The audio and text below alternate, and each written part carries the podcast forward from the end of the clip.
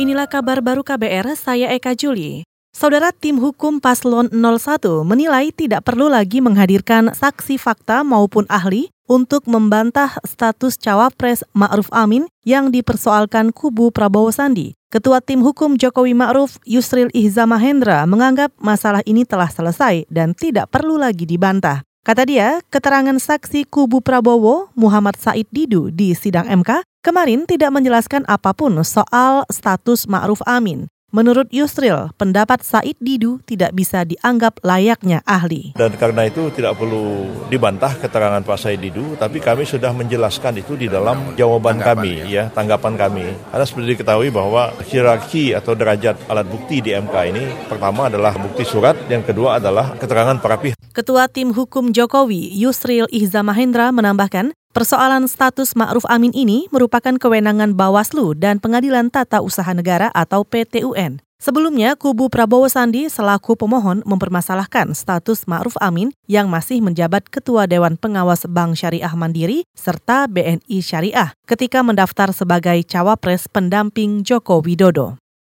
Komisi Pemberantasan Korupsi atau KPK menghentikan pemeriksaan dugaan pelanggaran kode etik yang dilakukan oleh Deputi Penindakan KPK Firly. Juru bicara KPK, Febri Diansah beralasan bekas Kapolda Nusa Tenggara Barat itu sudah kembali ke instansi kepolisian, sehingga wewenang itu berada di tangan Kapolri. Kalau seseorang masih menjadi pegawai KPK, maka masih menjadi domain dan kewenangan KPK untuk memproses jika ada dugaan pelanggaran etik. Tapi ketika sudah menjadi pegawai di instansi yang lain, tentu saja eh, kewenangan dan domainnya itu berada pada instansi. Juru bicara KPK Febri Diansah menambahkan, surat pengembalian penugasan penugasan oleh Polri menegaskan bahwa KPK tidak mengembalikan Firly ke instansi asalnya ketika penanganan dugaan pelanggaran kode etik. Firly diduga melakukan pelanggaran kode etik pada Mei 2018 lalu karena tertangkap kamera sedang bermain tenis bersama bekas Gubernur Nusa Tenggara Barat Muhammad Zainur Majdi. Hal itu dilaporkan oleh Koalisi Masyarakat Sipil Anti Korupsi Lantaran sebelumnya Gubernur NTB diperiksa untuk kasus divestasi PT Newmont Nusa Tenggara Barat.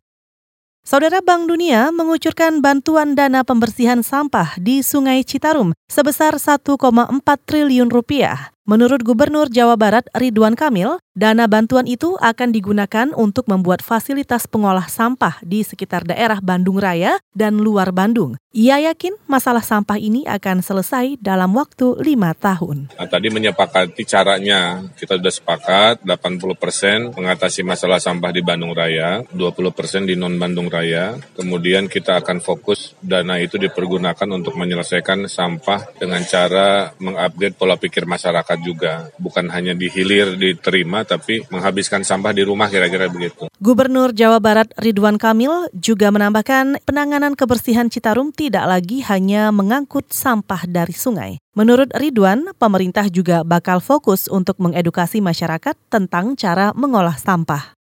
Kita ke informasi olahraga. Costa Rica menundukkan Bermuda dengan skor 2-1 pada pertandingan Grup B Piala Emas 2019 yang dimainkan di Stadion Toyota, Texas, Amerika Serikat. Gol Costa Rica dibukukan oleh Myron George dan Elias Aguilar, sedangkan satu gol balasan Bermuda dikemas Naki Wells melalui eksekusi penalti. Kemenangan ini memastikan Costa Rica melaju ke perempat final, di mana mereka saat ini menguasai puncak klasemen dengan koleksi 6 poin. Sedangkan Bermuda berada di peringkat ketiga dengan 0 poin. Sementara itu, dalam pertandingan terakhir grup yang dimainkan pada Selasa depan, Costa Rica akan bertemu Haiti. Sedangkan dua tim yang sudah dipastikan gugur, Nicaragua dan Bermuda, akan bertanding di New Jersey.